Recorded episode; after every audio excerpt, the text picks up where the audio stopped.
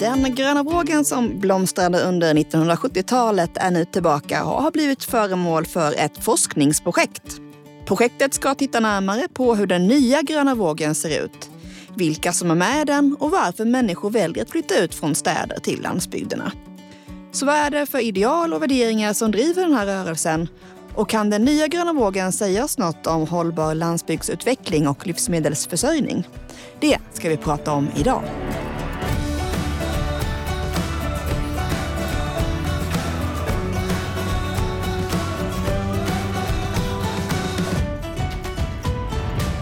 Välkomna till podden Landet som denna gång släpps mitt i Landsbygdsveckan. Landsbygdsveckan är ett nytt initiativ som riktar sig till alla som vill att landsbygdsfrågorna ska ha en tydlig plats i rampljuset. Jag heter Sandra Negård Petersen och med mig i panelen idag har vi bland annat två personer vars forskning presenteras på Landsbygdsveckan. Och det är Emil Sandström som är forskare på avdelningen för landsbygdsutveckling vid Sveriges lantbruksuniversitet, SLU och som då är projektledare i projektet med det långa namnet Gröna vågen vänder åter och dess bidrag för förståelsen av en hållbar landsbygdsutveckling och livsmedelsförsörjning. Fick jag det rätt, Emil? Det stämmer. Och Nora Wahlström, du är doktorand också på avdelningen för landsbygdsutveckling vid Sveriges lantbruksuniversitet. Hej Nora! Du deltar också i projektet. Ja, precis. Vi har också en liten utmanande telefonlinje på dig. Det är ju så att du eh, är var är du någonstans nu? Så kan vi förklara varför det blir lite... Jag är på studieresa just nu i, i Västmanland. Så min linje kanske är lite... Nej, och därför vet vi inte riktigt hur mycket vi kommer höra av dig, Nora. Vi gör ett försök. Mm. Och sen har vi med oss en som får sägas representera den gröna vågen, Petter Bergström. Du driver forumet Alternativ.nu med 50 000 medlemmar och du är redaktör för tidningen Åter. Välkommen Petter! Hej, tack. Om vi börjar då med forskningsprojektet. Emil, kan inte du börja med att definiera begreppet gröna vågen? Och då kanske med lite bakgrund i det som var den första gröna vågen. Ja, jag vet inte om det skiljer sig jättemycket mellan de två. Man kan se många definitioner där ute, men en definition som vi använder oss av eller som jag använder av ja, det är folk som kanske inte haft tidigare erfarenheter av jordbruk som flyttar från stan till landet för att praktisera någon typ av jordbruk och framförallt också med inriktning mot självhushållning. Nora, vad, vad, säger du? Är det här en progressiv rörelse eller är den på något sätt bakåtsträvande? Det finns både alltså, kanske ett visst drag av att romantisera eh, liksom, hur man levde förr, men det handlar ju också om att det, det, finns mycket tekniker som man använder då som passar för småskaligt lantbruk och som passar för liksom, självhushållande liv. Mm, vi hör tyvärr inte Nora riktigt, så vi får nog släppa henne. Mm. Men vill du ta vidare, Emil? Precis. Bakåtsträvande vänder jag mig nog lite mot. Jag brukar säga istället att det är en tillbakablickande framtidsrörelse i samtiden. Alltså den, är, den tittar tillbaka eh, och, och ser på vad typ av jordbruksmetoder som kanske förr, vad kan man lära av förut? För att hitta metoder i framtiden. Så att den är liksom en retropisk rörelse skulle jag säga. Att den är liksom, det är en utopi delvis placerad tillbaka i tiden. Eh, så. så att den är en tillbakablickande rörelse, mm. men för framtiden. Va?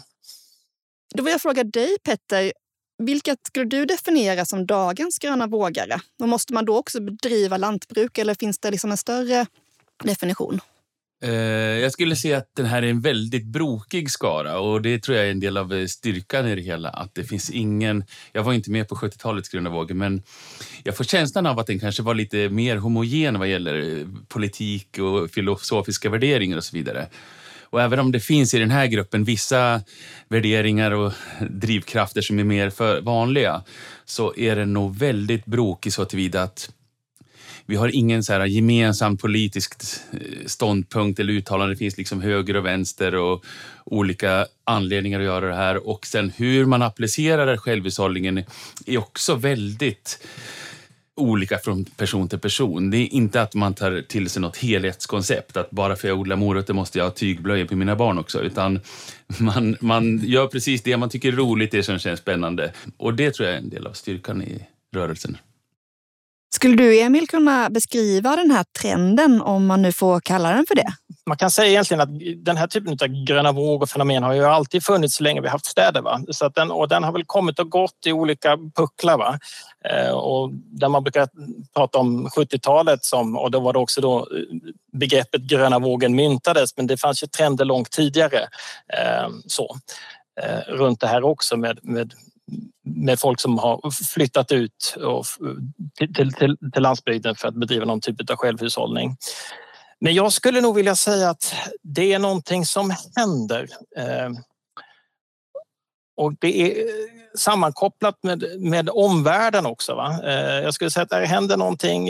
IT-kraschen i början på 2000-talet, där händer någonting. Eh, men sen har vi också eh, den stora finansbubblan på 2008 med oljepik och hela det här också, då, då, tycker jag mig också kunna se någonting möjligtvis eh, i, i utflyttningskurvor och också i, i, i svarsalternativen, det vi har fått in från enkäten än så länge. Eh, och nu senast inte minst då med pandemin och kriget i Ukraina och inflation och så där. Så när det är en orolig omvärld så verkar folk söka sig ut på landet. Petter, du som är redaktör då för tidningen Åter, vad vill du beskriva vad tidskriften tar upp? I och med att vi har försökt att hålla en ganska, vad ska man säga, icke-politisk linje, utan där ska vara öppet för alla då, så är det väldigt mycket praktiska artiklar, hur man gör saker och ting som har med det här att göra. Så odlar du det och det, så håller du på med olika hantverk, så bygger du ett hus ekologiskt och så vidare. Eh, och det är ju då inte en redaktion med journalister utan det är ju läsarna själva som har de här olika expertkunskaperna då, som skriver in och berättar om detta. Och sen har vi en redaktion som hjälper dem att få till en bra text. Men det är personer som eh, har, kanske är jättebra på att eh, göra något visst hantverk eller något sånt där då, som berättar det, eller odla någonting. Och, så, och sen har vi även det som vi kallar för utflyttarbrev och det är när läsare har flyttat ut på landet och så efter ett eller två år så skriver de ett brev tillbaka till tidningen eh, och berättar vad som har hänt helt enkelt. Vad de hade för tankar när de flyttade ut och, och var de hamnade någonstans och vad som har gått dåligt och vad som har gått bra och hur de har tänkt och hur de tänker fortsättningen. Ett brev som vi försöker få att det inte ska vara så rosenskimrande som det ofta är i veckotidningar utan mer liksom ärligt och äkta. Så här hade vi tänkt att lägga upp vårt självhushåll. Men det gick lite så här och nu provar vi det här och så. Så det är de typen av eh, texter vi har i tidningen. Ja, apropå självhushåll då. Vilken roll spelar småbrukarna i den svenska matproduktionen? Så rent till mängden livsmedel så spelar småjordbruken en försvinnande liten del eh, om man ser till liksom, mängden va, och volymen livsmedel. Och om man skulle titta på de här utflyttarna som bedriver självhushållning så Eh, kan man säga att det också det skulle inte uppgå till mer än några procent, alltså högst, högst om inte ens någon, en procent. Liksom. Men det kanske inte är det som är det viktiga egentligen, utan det är snarare det avtryck man gör i form av media, inte minst. Jag menar, det finns ett antal tv-serier runt det här eh, också faktiskt. Eh, Mandelmans och eh, Eh, vad är det han heter, 100% bonde och massa reportage som ges och inte minst Petters eget forum Alternativ.nu eh, spelar ett jätteviktigt eh, liksom, inspel i det här och journalister skriver om det här fenomenet. Och sen är det också så att många av de här som gör den här flytten, de engagerar sig också i liksom, Bara. större livsmedelsproducenter och eh, livsmedelskedjor och eh, vill återknyta liksom, relationen producent-konsument på helt nya sätt. Eh, eller på nygamla sätt skulle jag vilja kalla det. Va? Vi har hela det här fenomenet med rekoringar och så vidare och där tror jag väldigt många utav Gröna vågens utflyttare befinner sig också och är igång med. De som då börjar odla och producera mat, är det mest för självhushållning eller pratar vi om nya sorters företagande? Jag kan nog se att eh, av många av de här som flyttar ut eh, så är det inte bara liksom den egna självhushållningen som är det viktiga, utan man vill i den här drömmen så ingår eh, det att man är i ett sammanhang där det finns en levande bygd och en livsmedelsförsörjning som är mer hållbar än den vi har. Så att många har det här i bakhuvudet. Och samtidigt vill man också gärna de pengar man behöver få in, är det många som skulle tycka det var roligt om man kunde knyta det till det egna självhushållet på något sätt. Och har man då börjat odla någonting så vet jag att många är intresserade av att det här kanske jag kan få en liten inkomst ifrån, det här kanske jag kan prova. Och så liksom eh, experimenterar man med olika sorters eh, verksamheter. Eh, och då dels för sin egen skull för att man eh, det är spännande att kunna liksom bli egenföretagare. Och man har ju också en ganska bra möjlighet att bli det när man är självförsörjande på mat och eh, har låga utgifter och så vidare. För att man behöver inte ha så stora inkomster utan man kan experimentera lite grann och inte behöver ha lika mycket inkomst varje månad. Men sen också då för att man, eh, man kanske har någon lite större vision om eh, hur landsbygden ska mm, blomstra lite mer helt enkelt avtrycket som gröna vågens migration gör eh, är ju betydligt mer än det man odlar. Eh, så att säga. Och jag tror det är det du är inne på också Petter, att det, man engagerar sig i lokalsamhället, eh, tror jag i de allra flesta fall. Man vill ha en sån ambition. Mm. Och det kan ju vara så att man, man, man köper sin mat också kanske av den sista lanthandeln och så där och stöder det och man, barnen man, man kommer in med kanske om man är ett hushåll med barn eh, gör så att eh, den lokala skolan kan fortsätta att leva och så vidare och så vidare och så vidare. Så det finns ju liksom jättemånga spin-off effekter på det sättet eh, som är långt utöver än just det man producerar på sin gård. Va? Man bidrar mm. med kunskaper och sina erfarenheter in i lokalsamhället. Petter, kan du säga någonting? Hur kan självhushållarna bidra till nya sätt att se på maten? Ja, det är en spännande fråga. Eh, vad gäller hur man ser på maten så tror jag att det kan vara en ögonöppnare att eh, odla den själv helt enkelt. För då ser man Eh, liksom, eh, sånt som vi tar för givet och liksom i svensk lantbruk, till exempel att man har kor på ett sätt, de är uppbundna så här. Det kanske inte känns lika bra när man står och binder fast sin egen ko på det sättet. Och man kanske känner också att odla, det är ganska mycket jobb med djur till exempel. Och det tar ganska mycket resurser att odla foder och sen ge det till eh, djur för att få kött då, istället för att odla vegetariskt till exempel, som ett exempel nu, så kan man få sådana inblickar i att eh, mycket av vår matproduktion idag, den är lite, bygger på traditioner helt enkelt och hålls vid liv av att vi pumpar in olja och fossila bränslen i jordbruket. Skulle vi inte göra det, då skulle vi behöva odla lite andra saker och äta annorlunda. Mm. Emil, kan du se en koppling mellan gröna vågen och en omställning av livsmedelssystemet? Och hur hänger det i så fall ihop? Jo, men jag tror att det, för att koppla på Petter där, så är det ju en för många är detta också en protesthandling va? Eh, I mångt och mycket mot det globala livsmedelssystemet eh, och hur det ser ut om man vill ha ett annat livsmedelssystem, om man vill komma närmare naturen. Och ett sätt att komma närmare naturen det är dels att göra flytten men det är också att praktiskt börja jobba med naturen för sin egen livsmedelsförsörjning. Och där uppstår ju då naturligtvis en massa erfarenheter och kunskaper om hur jordbruksproduktion går till och, och massa sådana etiska överväganden som varenda människa gör då i det här sammanhanget. Så och jag tror att ytterst så vill man också få någon sorts inflytande och kontroll över sin mat va? och sin egen matproduktion. Det är, mycket det det handlar om. Och det genererar en massa ny kunskap va? Eh, och också nya idéer på hur, hur livsmedelssystemet skulle kunna se ut för att vara mer hållbart. Eh, och man ser här i de här tidningsartiklarna från Åter inte minst, här pågår en massa innovation. Va? Jag går tillbaka lite till, till tidningen Åter då igen och kanske de här utflyttarbreven eh, eller, eller på forumet Alternativ. Vad, vad är det för utmaningar som, som beskrivs där som man stöter på när man flyttar? Kanske att få ihop den här vardagen då. Innan man riktigt har fått självhushållningen att funka så är det ganska mycket man får, arbete man får sätta in i det här experimenterandet innan man hittar, lär sig hur saker funkar och vad är ens egen eh, väg i det hela. Så att det kan bli några slitiga år innan man fått allting att rulla. Eh, men det, eftersom man hela tiden då ser, jo men vi lär oss, vi lär oss, vi är på väg, vi är på väg, så kommer man förbi det och då kommer man till en punkt där eh, man är i en bättre sits. Där, där det flyter på väldigt smidigt och det blir inte, om man tänker, den arbetsbelastningen blir inte särskilt stor längre. Då. Mm. Man söker någon sorts autenticitet, eh, någon sorts mm. äkthet. Eh, man vill liksom det finns sådana brev som jag vill leva på riktigt. Va? Och, och sen är det den här lusten tror jag du också var inne på lite grann Petter. Att det, det är liksom, mm. Många gör också det här för att det är lustfyllt. Va? Nu pratade om lust, men jag tänker fråga då Petter, vilka är fördelarna som man gärna delar med sig av då, på forumet eller på, i tidningen?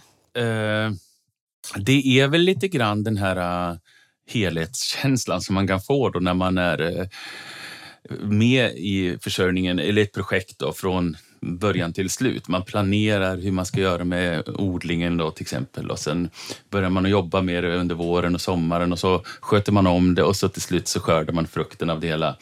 Och då är man med hela det här steget eh, och får den tillfredsställelsen helt enkelt då i någonting som dessutom känns eh, viktigt och relevant och äkta. Så det är inte bara ett påhittat projekt utan det känns väldigt viktigt och bra. Och det är den kicken som jag tror många upplever som väldigt viktig.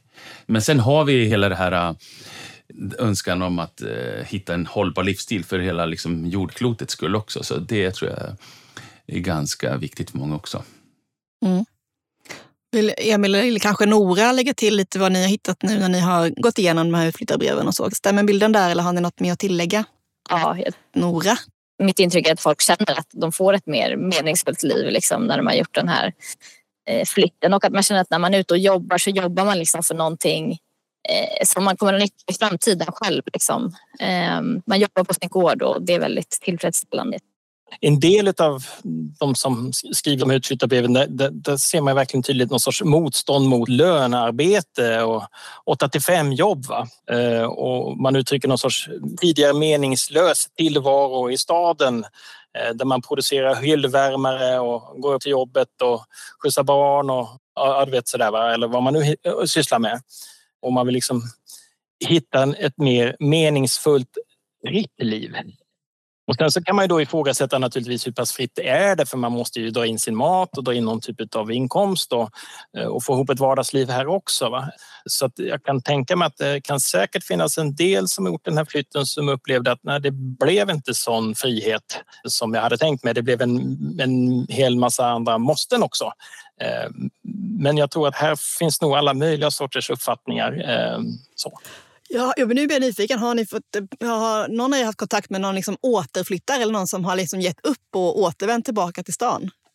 Eh, ja, jag har haft kontakt eh, med det. Det har, det, det har hänt. Men det har, det, oftast är det ju så här, det, det är en massa personliga. Det är skilsmässor naturligtvis, som i alla liv och det, det händer ju allt möjligt mm. i folks liv. Eh, så att, jag menar, orsakerna är ju lika diversa som det finns antalet människor. Så att jag har inte kunnat se något mönster eller så direkt i det här. Och vi har kommit fram till sista frågan för idag. Hur viktig blir den nya gröna vågen i omställningen av ett hållbart livsmedelssystem? Hur stor del av Sveriges matproduktion som man kommer att framställa på det här sättet, det är ju kanske inte jättestor del skulle jag tro just nu.